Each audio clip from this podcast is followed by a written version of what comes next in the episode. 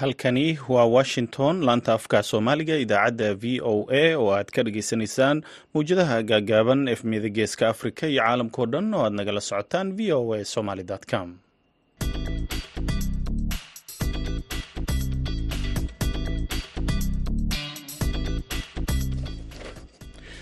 duhur wanaagsan dhegaystayaal waa maalin isniin ah lix iyo labaatanka bisha februari sanadka laba kun iyo afar iyo labaatanka. Afrikada bari saacadda waxay tilmaamaysaa kowdii iyo barkii duhurnimo idaacadda duhurnimo ee maantana waxaa idinla socodsiinaya anigoo ah cabdulqaadir maxamed samakaab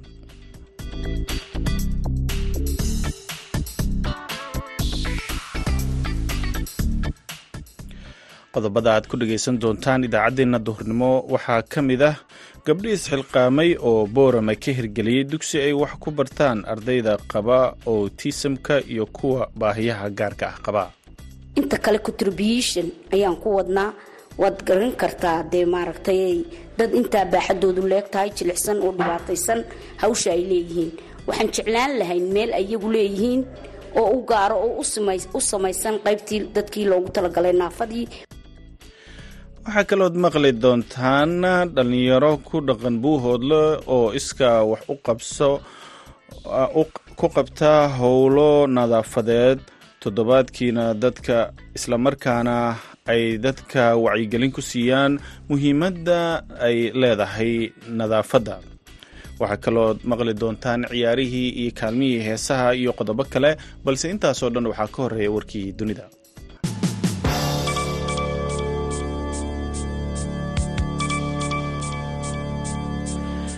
sida ay sheegeen saraakiisha nin ayaa shalay dab isku qabadsiiyey bannaanka safaaradda israel ay ku leedahay magaaladan washington. Ninkan oo aan weli magaciisa la shaacin ayaa shaqaalaha gurmadka caafimaadka waxay ula carareen cisbitaal washington ku yaalla kadib markii ciidamo ka mid a kuwa ilaaliya madaxda iyo diblomaasiyiinta ay damiyeen debkii uu isqabadsiiyey war kooban oo waaxda dabdamiska ee magaaladan washington ay soo dhigeen internetka ayay ku sheegeen in xaaladda ninkaasi ay halis tahay. Ciidamada booliska ee magaaladan washington iyo kuwa ilaalada madaxda iyo diblomaasiyiinta ayaana baaris ku haya dhacdadan. Safaaradda israa'iil ayaa xiliyadan dambe bartilmaameed u ahayd dibadbaxyo joogto ah oo iska soo horjeeda oo ku aadan dagaalka israa'il iyo xamaas ee ka socda ghaza dibadbaxyadan iska soo horjeeda ayaana maraykanka ka dhacayay tan iyo bishii oktoobar toddobadeedii kadib markii xamaas ay gudaha u gashay israa'il kuna dishay kun iyo laba boqol oo qof laba boqol iyo saddex iyo konton kalena ay ku qafaasheen. Wixii markaa ka dambeeyey ciidamada israa'il ayaa duulaan ku qaaday ghaza iyagoo inta badan magaaladan burburiyey waxaana ay dileen sida saraakiisha caafimaadka ee falastiiniyiintu ay sheegeen dad ku dhow soddon kun oo qof. Mas'uuliyiinta daacadda u ah milatariga suudaan ayaa is-hortaagay gargaar ku socday gobolka darfuur tallaabadaas oo ay aada uga qayliyeen hay'adaha gargaarka iyo dowladda maraykanka gobolka daafuur oo daris la ah dalka jaad ayaa ka mid ah meelaha ay dhibaatada bini-aadanimo si weyn uga dhufatay tan iyo markii uu suudaan dagaalka ka qarxay muddo toban bilood ka hor. Dagaalkan ayaana u dhexeeya ciidamada milatariga suudaan iyo maleeshiyada sida milatariga u tababaran ee r s f. R s f ayaa ka soo jeeda maleeshiyaadkii janjawiid ee dhibaatooyinka ka geystay gobolka daafuur muddo hadda laga joogo labaatan sano dagaalka ay kooxda r s f hadda kula jirto ciidamada suudaan ee ee saf ayaa soo bilowday bishii abriil ee sannadkii hore waxaana ay kula wareegeen afar ka mid a shanta magaalo ee ugu waaweyn daarfuur in ka badan lix boqol afar iyo sagaashan kun oo qof ayaa ka gudbay xuduudda iyagoo galay dalka jaad sida ay sheegtay hay'adda caalamiga ah ee muhaajiriinta ee qaramada midoobey ee loo soo gaabiyo i o m hay'addu waxay sheegtay in dad badan ay weli ku godoonsan yihiin gudaha daarfuur gargaar deg deg ahna ay u baahan yihiin. Qaramada midoobey ayaa gargaarkeeda gobolka ku xadiday sahay ay ku gelin jirtay xuduudda jaad ama ay ka gelin jirtay xuduudda jaad laakiin sida ay sheegtay w f b toddobaadkii tegey ayay mas'uuliyiintu is-hortaageen in gargaarka laga gudbiyo xadka dhegeystayaal warkeenii dunidana waa nageynta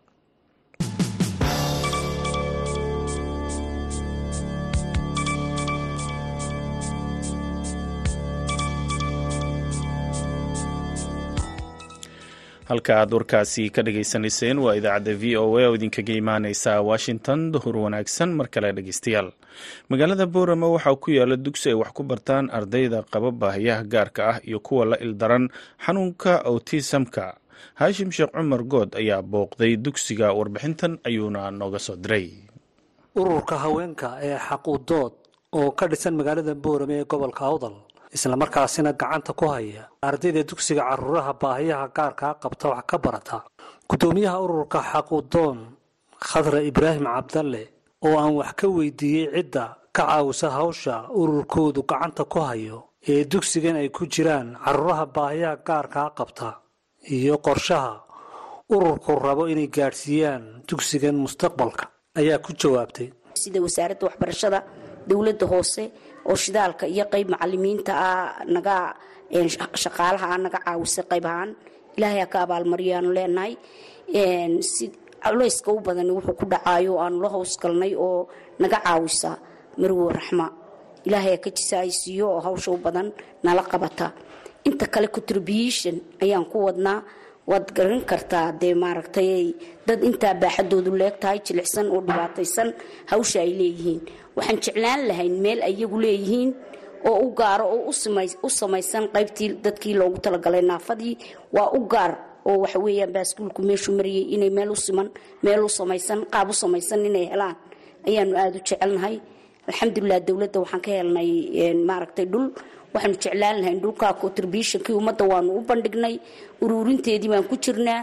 Maalin dhow inaanu soo bandhigno intii wax ka qayb qaadatay iyo inta ka qayb qaadan doontaba ayaanu doonaynaa insha allah cid kasta oo naga caawin karta oo dadkaasi si ay u helaan meel iyagu ay leeyihiin oy wax ku bartaan oo u samaysano iyagoo u gaara inaanu helnaanu aada u jecelnahay aqoon-yahan saleebaan muuse ducaale oo isagu ah khabiir bartay caawinta ubadka baahiyaha qaarkaa qaba islamarkaasina caawiya dugsigan ayaa u sheegay idaacadda v o a in otisamku yahay xanuun aan daawo caafimaad loo helin balse siyaabo kale loola tacaalo waxbarashada ubadka uu ku dhaco xanuunkaasi.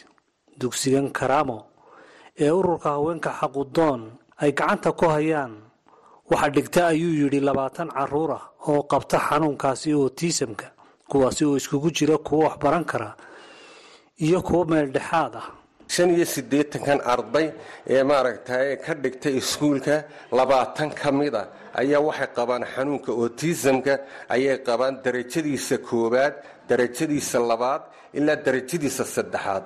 Kuwo ka kooban qaba ayaa iskuulkan ka dhigta. Saas darteed otisamka kuwo imika waxbaran karaana way ku jiraan. Kuwo iska meel dhexaadina way ku jiraan. Laakiin hadafka iyaga ugu weyn ee aan maaragtay kuwa otisamka halkan aan u doorbidna inaan keenno marka ugu horeysa inaan maskaxdoodii baraarujinno integration inaan u samayno oo bulshada ay dhex galaan oo ay la qabsadaan. Environmentkii ama deegaankii inay iyaguna la qabsadaan. Si ay maskaxdooda wahsatay ay maaragtay xarakaad u samayso u baraarugto. Maadaama xanuunkan otisamku yahay development disability oo xanuun caadiyo dhakhtar ama dawo lagu daweyn kara aanu ahayn. Laakiin dibudhac xagga horumarkii ilmuhu samayn lahaa ku yimid uu yahay oo maskaxdii wahaysi kaga dhacay. In maskaxdii la dardargeliyo maaragtay la firfircooni la geliyo laga shaqaysiiyo awgeed ayaa loogu sameeyaa maaragtay integrationka jimicsiyada xaydaanka ay ku jiraan.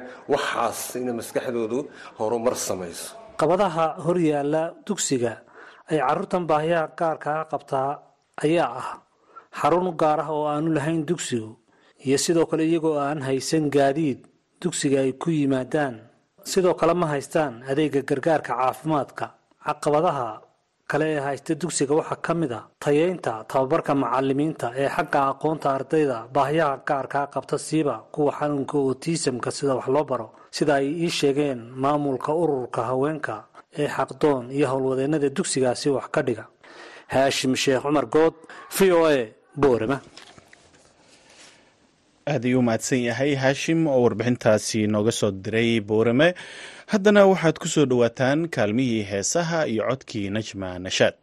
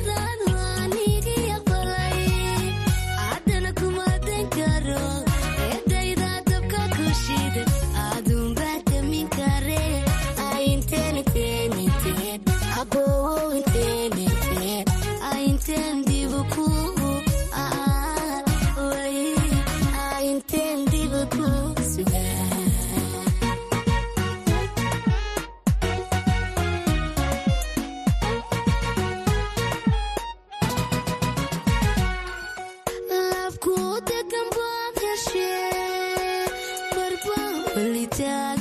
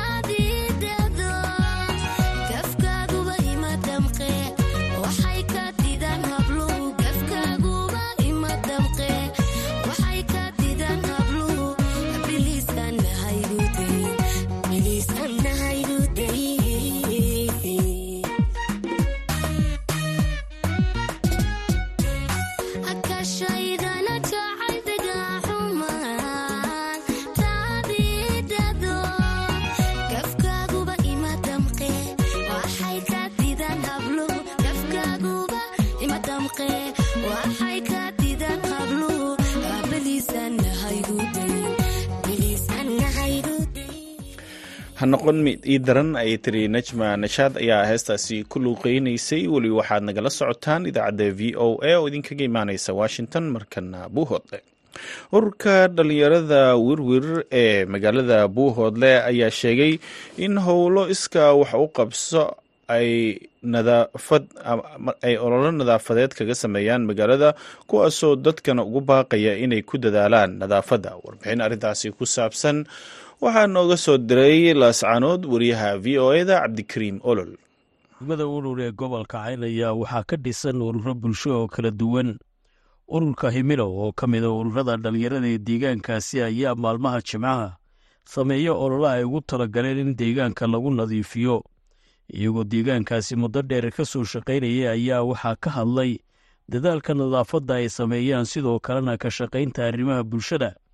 Cawka cali geelle oo ka mida mas'uuliyiinta ururka dhallinyarada himilo isagoona sheegay in waxyaabo badan ay ka qabtaan deegaanka. Ururka himilo youth development organization oo shaqadoodii joogtada ahayd ee jimcaha ay deegaanka u hayeen haya runtii dhallinyaradan idiin muuqata. Waa dhallinyarada deegaanka nadaafadda ka shaqaysa iyo bilicda magaalada. Oo runtii juhdi badan geliyey iyadoo magaalada ay ka kooban tahay dhowr xaafadood. Haddana dee intan kuma dhammaystira gaari kalaa jira oo isna kale ka shaqeeya. Laakiinse intan waa intii gaari ka shaqaynaysa ee howlgalkeeda waday waana dhallinyaradii deegaanka isku xilqamay runtii mar labaad iyo mar saddexaad ba uga mahad maalmaha kale waxay bartaan dee dugsiyada sare iyo labada hoose sidaan sheegay. Maalinta jimcaha waxay deegaankooda u huraan. Sidii deegaankan u noqon lahaa deegaan bilic leh deegaan nadaafadiisa aad u sarrayso deegaan lagu soo hurto waan uga mahad celinaynaa. Mar labaad iyo mar saddexaadba cid kastoo ururkan himilo garab taaganna iyanama hadda waan ugu leedahay. Runtii halkan waxaa jooga ninkii dhallinyarada xaqa ugu lahaayo. Ilaa labada kun iyo saddexdii ururo kala duwan oo deegaamada soo maray. Oo marba magac huwanaa haddana oday u ahaa isagii dhallinyaro badan oo deegaanka joogta. Sidoo kale waxaa halkaasi ka hadlay kayse maxamuud yuusuf oo isagu ka mid odayaasha deegaanka isagoona sheegay inay garab taagan yihiin dhallinyaradani. Waxa uuna sheegay dhibaatooyinka ururada bulshada haysta gaar ahaan kuwa deegaankani ay tahay taageero la'aan dhanka kaga timaada bulshada iyadoo hay'adaha gargaarka iyo dhinac istaaga dhallinyarada ay ku yaryihiin dhallinyaradani in iyagu iskood isku abaabushay cid deegaanka hadday qurba joog tahay aysan ku tirsanayn gebi ahaanba marka deegaanka dhallinyaro iyagaa isu xilqaamay waa maalin jimcaha sida caadada u ahayd ururka dhallinyarada himilo wuxuu ka shaqeeyaa lixda xaafadood ee magaalada ka kooban tahay. Lixda xaafadood saddex xaafadoodba gaari baa ka shaqeeya. Dhallinyarada garabkayga taagan ee ururka himilo aad iyo aad baan u bogaadinaya waxaan leeyahay howlka madaalooyin weli hogadi waa halkii shaqadayn deegaanka u hayna sii wadaan leenahay. Mar walbana dhallinyarada waa garab taagannahay sidaas saaxiibkay waxa u ka sheegay anu muddo badan baan ka shaqaynaya ururada. Ururadii ugu horreeyey deegaanka laga aasaasay baan baan ka mid ahaa hormuud iyo ururo badan daryeel iyo intaaba waan ka shaqaynayey mar walbana anigun baa laygu imaanaya halkan oo dhallinyaradu igu imaanaysay dhallinyarada waxaan leeyahay intaan noolahay. Waan idin garab taagannahay waa idinla shaqaynayaa mar walbana waxaan jecelahay inaad horumarka deegaankiina aad ka shaqaysaan hadday bilicda leyrka tahay hadday waddooyinka tahay hadday tahay dad masaakiinoo la caawinayo. Intaa waxaan ku darayaa magaalada dad badan oo agoomaa baa jiro iyo dad danyara. Intaaba wax lacaga oo qarasha lagama qaado. Bilaash baa loogu shaqeeyaa. Dhallinyaradana jeebkooday ka bixisaa labada doolaray shaqaynaysay dadka bisha laga qaado. Sida uu sheegay cawke cali geelle ururkani waxa uu ku tiirsan yahay dhallinyaradani mana jiro cid gacan ka siisa. Dadaalka dhanka horumarka ay ka wadaan deegaanka iyo siday wax uga qabtaan. Markii ururkan maalin kasta sida joogtaa jimcaha u shaqaynaya ee isweydiinaya ururkan yuu ku tiirsan yahay. Runtii ururkan dhallinyarada ah cid ay ku tiirsantay gebi ahaanba ma jirto. Cid ay ku tiirsan yihiin ma jirto. Iyagaa iyagaa deegaanka isu xilqaamay iyagaa shaqeeya. Guud ahaan ururada bulshada ayaa waxay yihiin kuwo ka shaqeeya deegaano kala duwan oo ku yaalla deegaanada buuhoodla hoos yimaada kuwaasoo taageerada ay helaan iyo dhanka tababarada iyo qaabka ay ku shaqeeyaan ay tahay kuwo aad u yar marka loo eego heerka waxqabadka ee deegaankaasi ay ka qabtaan. Cabdikariin nolol v o a magaalada laascanood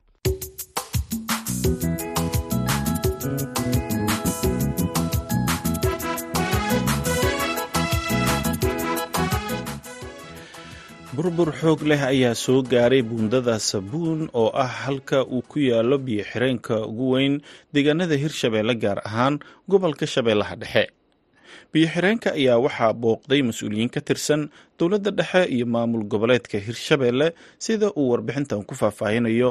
Wariyaha v o eda ee magaalada beledweyne xuseen xasan dhaqane. Buundadan oo in ka badan labaatan sano aanan helin wax dayactir ah ayaa waxaa saameyn xoog leh ku yeeshay fatahaadii webiga shabeelle ee sannadkii hore guddoomiyaha gobolka shabeellaha dhexe axmed meyra makaraan ayaa waxa uu ka waramay taageerada ay dowladda dhexe uga baahan yihiin si mar kale ay shaqadii biyo xireenka ay caadi u noqoto in arrinkan maaragtay aad iyo aad gacan weyn loogu geysto marka kaleentana in la helo wax looga bixiyo xatee qalabka markii wax la baxay in la keeno oo qoryahan waaweyn oo kale wiish sida wiish oo kale in la helo gacan dheer oo maarata inta loo soo xiro geedahaas markaa ka bixiyo waxaan meelaha yaal waxaa looga bixiye meeshaana inta yimaado baldoosaa lagu jiidaa. Wax kaloo lagu bixiye le male wax gacan gaaraysana ma jirto. Cabdiraxmaan daahir guure wasiirka arrimaha gudaha maamulka hirshabeelle ayaa waxa uu sheegay in ka maamul ahaan ay la shaqayn doonaan. Cid kasta oo gacan ka geysanaysa dib u dayactirka buundada sabuun. Haddana mar kale taageeraan u baahannahay dowladda hirshabeelle waxay diyaar tahay garab istaag. Cid kasta oo shaqadaas la qabanayso iyo kaalinteeda inay ka qaadato waxaan rabnaa inaan baaqalkan ka dirno oon guddoomiyaha sodma iyo cid kastoo naga gaarsiin kara iyo dowladda soomaliya iyo madaxweynaha soomaaliya u sheegno kiligan muhiimadda uu leeyahay. Kiligan marka koowaad dhulbeereed weyn oo mataqaanaa bulsho badan ay ku nooshahayna in la tabca ayaa suuragelaysa haddii la sameeyo oo dhaqaalo laga soo saaro dhaqaalo badan laga soo saaro dhulbeereed badan oo hadda ogtiino shabeellada dhexe oo dhan qaybta ugu muhiimsan ah ee biyaha webiga in loo isticmaalo. Hadda waa beledrooban dhanka kale bulshada degan deegaankan in laga badbaadiyo fatahaadda magaalada caasimadda iyo tuulooyinkeeda o dhan iyo webiga jiinkiisa biyuhu marka cuslaada in laga badbaadiyo. Maxamuud macalin cabdulle guddoomiyaha hay'adda sodma oo booqday buundada ayaa waxa uu sheegay in dib uu dayactir ay ku sameynayaan si looga baaqsado dhibaatooyin kale oo deegaanka soo gaara. Waxaan rabnaa marka hadda inaan iskaashanno haddaan nahay dowladda dhexe ee hay'adda sodma waxaan ku dadaali doonaa haddii ilaah yidhaahdo in wax laga qabto webiga oo meelaha uu ka fatahaya fatahaya laga qabto oo dhulka u baahan in la diyaariyo oo biyaha lagu kaydsa laga qabto. Dowlado badan waa kaashan doonaa dabcan xoogeynana waa ku tashanaynaa oo ummadda soomaaliyeed inay iyadu xoola aruursato oo isku diyaargarowdo oo ay waxayso. Dadku dadkii hore waa ka fiican yahay waa ka aqoon badan yahay. Marka waxaan isku dadaali doonaa inaan ceeldhaantaasi aan qaadno oon ka shaqayno waxaa dabcan laga rabaa dowladda maamul goboleedka hirshabeelna waxaa laga rabaa waxyaabaha qaarkood marka qaar wax ay dadku abuuraana jiro in webiga la falo in mataqaanaa ducihiisa la banneeyo in buqaha la gooyo arrintaas waxaa la rabaa in sharci laga soo saaro oo dadka aan loo ogolaanin inay ku dheelaan cid allaale ciddii arrintaas ku kacdane inay consequensi qaadaysaa in laftikeeda ay meesha ka muuqato. Aad iyo aada u mahadsan tihiin waxaan aad iyo aad runtii uga xumahay inaan haddana idiin sheego idinkoo hadda ka soo baxdeen fatahaadii ilniinada oo dayrta in haddana guga uu fatahaad keeni kariyo. Boqol kiiba toddobaatan waxaa laga baqayaa inuu guga fatahaad keeno. Saa darteeda waa ina hadda u diyaar garowno waxyaabaha inuu kugu imid waxaa ka mid ah hadda saacaddan la joogo fatahaado ma jirto. Laakiin fatahaadda nagu soo socotahay xaggee bay nooga imaan kartaa. Xaggee u baahan in mataqaanaa laga neefiyo webiga. Xaggee u baahan webiga in laga buuxiyo. Waxaasoo inaan ka wada shaqayna haddii ilah yidhahdo aniga diyaaran idiin ahay. In dib u dayactir ay hesho buundada sabuun oo ku taalla duleedka magaalada jowhar waxay qayb weyn ka qaadanaysaa yareynta saameyntii ka dhalan jirtay marka webiga shabeelle uu fatahaad ka geysto qeybo gobolka shabeellaha dhexe ka mid ah. Xuseen xasan dhaqane v o a beledweyne.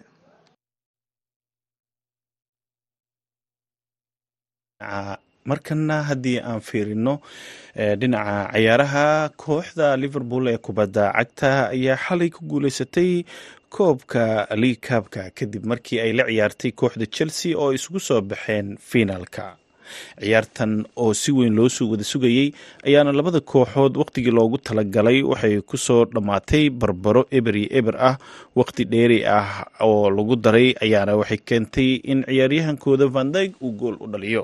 Sidaasna liverpool oo markii horeba loo saadaalinayay koobkaasi inay ku guuleystaan maadaama kooxda chelsea ay tahay koox waayadan uu xaalka ku xun yahay. Liverpool ayaana noqotay horyaalka koobkaasi oo sannadkii la soo dhaafay ay ku guuleysatay kooxda manchester united.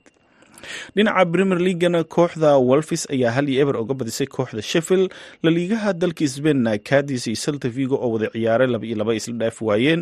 Real batisna waxay saddex iyo hal oga badisay atlantico club. Las balmasna waxay hal iyo hal isla dhaaf waayeen. Asusuna halka real madrid oo ah kooxda horyaalka hogaaminaysa ay hal iyo eber oga adkaatay kooxda sevilla juventus waxay saddex iyo laba uga badisay forencina calyary iyo napoli oo wada ciyaaray hal hal ay isla dhaaf waayeen. Ac milanna barbaro ayay la gashay kooxda atlanta.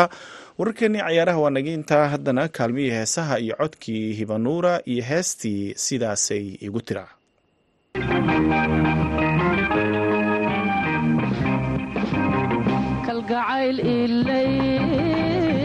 naftaydan samiridhaahda sariyahoos sariyahoos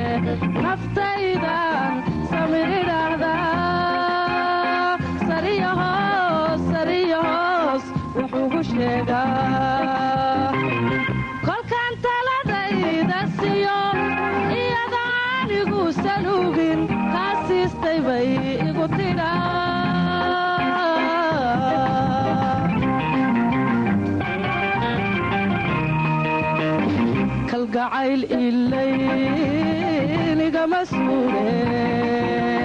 naftaydan samiridhaahda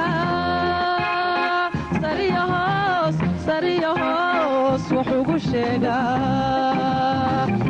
Kolkaan taladayda siyo iyada anigu saluugin kaa siistay bay igu tidhaa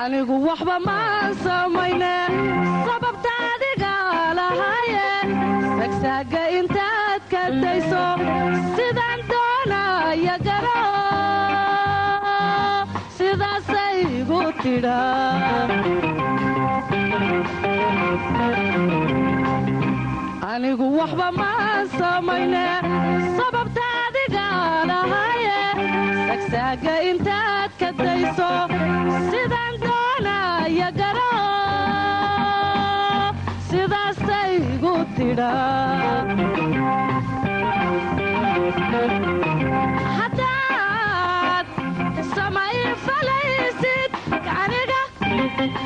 waa laysitaaye kiyaan niyadayda siiyey kiyaan niyadayda siiyey warkiisii maadisiin sidaasay igu tidha sidaasay igu tidha sidaasay igu tidha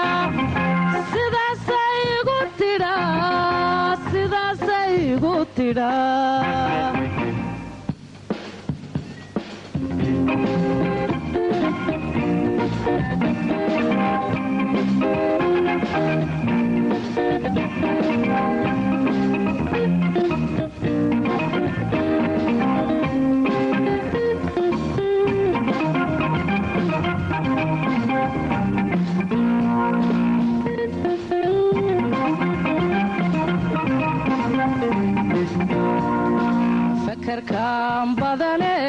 samayso qalbigaan iska saar idhaahda intuu samayla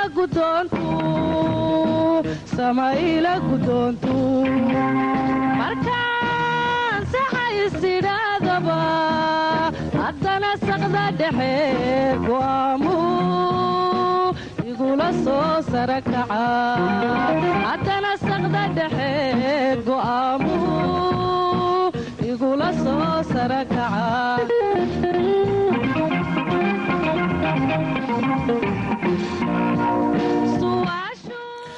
Saqda dhexe go'aamuhu igula soo sarakaca ay tiri. Waxay u dambeysay idaacaddeenii duhurnimo tan iyo idaacaddeenna galabnimo waxaanu idinkaga tegaynaa sidaasi nabadgelyo